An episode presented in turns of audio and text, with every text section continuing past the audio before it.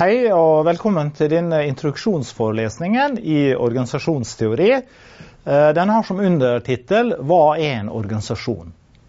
Ja, For å svare på det med en gang organisasjon er en abstrakt forestilling. Ingen har sett en organisasjon. Det er en eh, abstrakt eh, uttrykksmåte hvor vi beskriver, grovt forenkla sagt, arbeidsplassen vår. Og i organisasjonsteori så er vi opptatt av fellestrekk. Hva er det som er gjennomgående eh, i alle typer arbeidsplasser og virksomheter? Og så er vi opptatt av er det noen forskjeller, og kanskje noen forskjeller som har betydning for ledelse. Og mitt inngangsbilde det har jeg da tatt fra to herremenn omtrent på min egen alder. Det er Dag Ingvar Jacobsen og Jan Thorsvik som lagde sin første bok eh, 'Hvordan organisasjoner fungerer' eh, på 90-tallet. Og den er blitt stående som et standardverk i organisasjonsteori. Primærspørsmålet vårt i organisasjonsteori, eller organisasjonsvitenskap, som vi gjerne litt mer pompøst kaller det, det er hvordan fungerer organisasjonen som et kollektiv. Det vil si er det forklaringer, kollektive forklaringer som viser forskjell på fremragende, middels fremragende og svake organisasjoner. Og svaret er selvfølgelig ja, det finner vi, ellers ville jeg ikke stått her. De mest kjente det er strukturelle forhold. Og fra 80-tallet ble vi veldig oppmerksom på det vi omtaler som organisasjonskultur. Denne modellen her har jeg da tatt fra boka. Og Den viser da i grunnlinja her eh, organisasjonsvirksomhet som en input, prosess, output-maskin. Det vil da si at vi dytter ressurser inn, og så skjer da kjernevirksomheten i den boksen som jeg har kalt organisasjonsatferd. Der skjer det også en del masse beslutningsatferd. Folk tar beslutninger i små grupper uformelle fora, faglige grupper og i formelle fora med rett til å ta beslutninger. Ja, og så kommer det en del resultater ut her nå. Eh, og alle organisasjoner produserer resultater. Selv saksbehandlerbyråkrati produserer noe. De produserer vedtak og utredninger. Og så skjer det alltid en tilbakeføring, en tilbakemelding, på hvordan, eh, hvordan, arbeidet eh, blir vurdert av de som ser resultatene. Og skolen som system blir jo i dag vurdert og evaluert og gitt tilbakemeldinger gjennom en rekke instrumenter. Nasjonale prøver, eksamen, PISA-studier.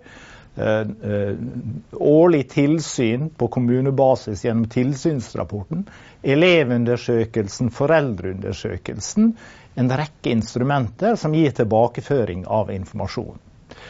Slik at den er også en læringsløyfe. Den modellen vi ser her, det er en læringsløyfe. Egentlig en organisatorisk læringsløyfe. Ja, Så har vi noen forklaringer her nå. Vi har da de formelle trekka, som vi gjerne kaller for struktur og mål. Det er organisasjonens inndeling i myndighetshierarki som forteller oss hvem som er overordna og hvem som er underordna, og hvilke nivåer vi har, og forholdet mellom nivåene. Eh, den formelle strukturen tildeler også myndighet. Eksempelvis eh, at en rektor har budsjettmyndighet, resultatansvar. At en avdelingsleder innenfor en avdeling i videregående skole har personalansvar for sine kolleger. Og så er det en del av strukturen å beskrive hvor er grensene for myndighet. Overordning, underordning i systemet. Andre aspekt ved den formelle strukturen det er regler og rutiner. Eh, struktur er viktig. Det skaper forutsigbarhet i organisasjonen. Faste rammer, slik at man slipper å finne opp hjulet hver gang. Det er også konfliktdempende. Eh, jeg pleier å si veldig flåsete til ledere at hvis de er interessert i å, å heve konfliktnivået i organisasjonen sin, så er strukturelt rot et av de beste korta. Sørg for at regler er uklare. Sørg gjerne for å praktisere regler forskjellig, sånn at medarbeiderne vet at får du nei hos far, så kan du gå til mor. Og Du får også evig lange diskusjoner. Hvordan skal vi forstå, reglene? Og Det er ineffektivt. Struktur skaper uh, den form for effektivitet. Struktur er også viktig for læring i organisasjonen. Eksempel er at du har gode møteplasser hvor det er mulig å diskutere ting, og at de som har noe å diskutere med hverandre, de møter på de samme møteplassene. Det er også en del sånn viktige ledelsesområder i forhold til innovasjon og læring. Den andre uformelle trekk, eh, det er kultur. Normer, verdier, uuttalte spilleregler, grunnleggende antagelser. Eh, det er eh, det vi kaller for organisasjonskultur. Den er ofte usynlig, selv om den har synlige uttrykk, f.eks. gjennom kleskoder, snakkemåter, historier, hvordan man rigger kontorene sine. Om de skal være åpne, lyse, trivelige, eller litt sånn avlukka med fengselskorridoren som eh, foregangsbilde. Dette er da uttrykk for organisasjonskultur.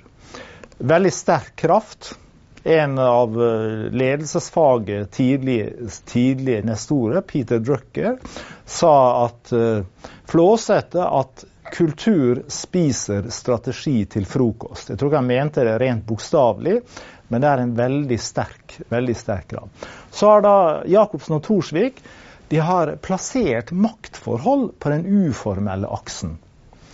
Eh, men makt er jo knytta til formell autoritet, og diskuterte dette med Jan Thorsvik for noen år siden.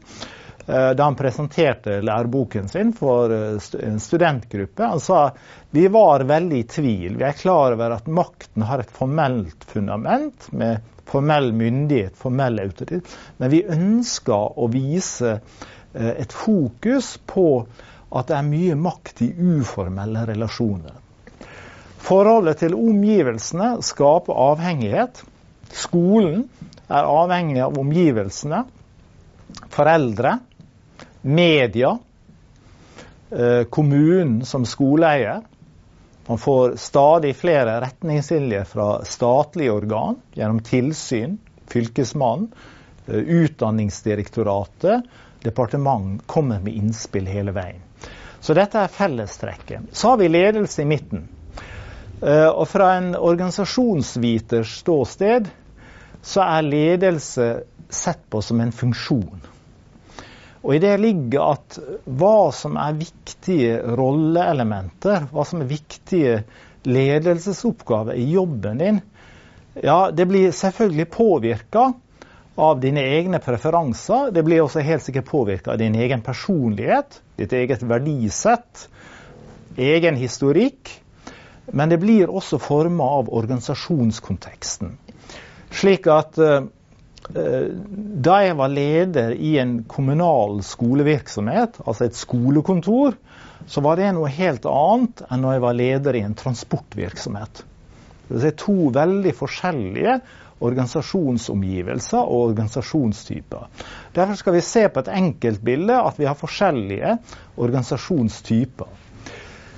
Og Her er det sortert de på vanlig måte i en firefeltstabell. Eh, hvor da den ene aksen, Y-aksen, det har med formalisering å gjøre. Noen er sterkt formalisert, de har mange regler, mange myndighetsnivå, regulert myndighet, et system av over- og underordning. Andre kan være mer uformelle. Og så Langs den andre aksen så er det forholdet til omgivelsen. Langs den aksen uh, lengst bort fra meg så står det heterogene omgivelser. og Det betyr at det er veldig mange forskjellige aktører der ute som alle har en mening og ønsker å påvirke. Og skolen er en av de. Opererer i den type omgivelser. På den andre aksen homogene omgivelsen. Du kan ha mange aktører, men de er ganske like. Og Vi starter her da med en organisasjonstype som heter hierarki, eller som vi har kalt hierarki. Saksbehandlerbyråkratiet den kommunale forvaltning, eh, franchiseorganisasjon i varehandel og i service, eh, er jo modeller på et hierarki. Alt gjøres likt, man følger rutiner. De er gjerne store, komplekse, vanskelig å forandre eh, raskt og effektive. Her har vi en gruppeorganisasjon som vi gjerne finner i den frivillige sektor. Idrett, menighetsliv, korps. Hvor personene som jobber der, er sterkt gjensidig avhengige av hverandre. Og Hvis jeg allerede nå skal begynne å introdusere én organisasjonstype fra utdanningssektoren, så vil jeg plassere barnehagen i den organisasjonen. Assistentene, førskolelærerne, PED-lederne er sterkt avhengige av hverandre i sitt arbeid, i det daglige rytmen, sammen med barna. Her oppe så har vi en entreprenørorganisasjon. Den er gjerne lite formalisert. Eh, skiftende, fordi at du får nye oppdrag og klienter og kunder hele tiden. Arkitektkontoret, konsulentfirmaet, eh, rådgivende ingeniørfirmaet. De er markedsavhengige og må være veldig fleksible, men er også dynamiske. Så har vi da profesjonsbyråkratiet, som i Torodd Strands bokkapittel også blir kalt ekspertorganisasjonen. Befolka av medarbeidere med høy utdanning, profesjonsgrad, eh, og har, disse har autonomi som kjerneverdi. Dvs. Si forventa høy grad av selvstendighet i arbeidsutførelsen. Og de er asymmetriske i maktfordelingen, hvor beslutninger ofte tas i kollegiale grupper i bunnen av myndighetshierarkiet.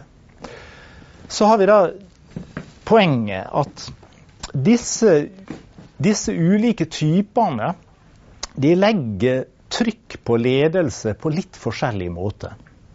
Hvis vi da går til, til eh, hierarkiet, eh, den blå der nede, så er administrasjon kjernefunksjon. Slik at eh, da jeg var kommunal skoleadministrator, så satt jeg på myndighetsnivå over rektorene. Eh, min viktigste ledelsesfunksjon det var administrasjon. Ressursfordeling, ressurstildeling, økonomistyring, jusstyring og kontroll knytta til det. Barnehagelederen over, viktigste funksjon, kalles da for integrasjon.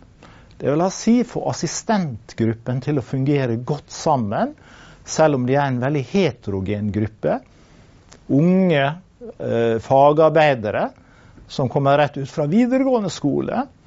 Eldre eh, medarbeidere med, som har vært lenge i barnehagen, med høy realkompetanse og lav formalkompetanse.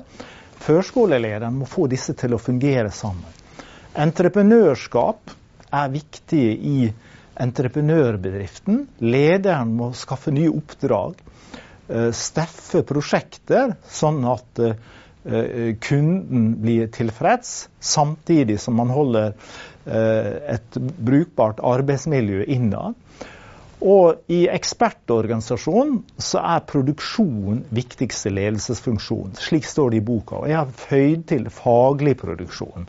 Fordi at man skal ikke produsere spiker, det er kunnskap man skal produsere. Og den modellen her, den heter PAIE på fagspråket.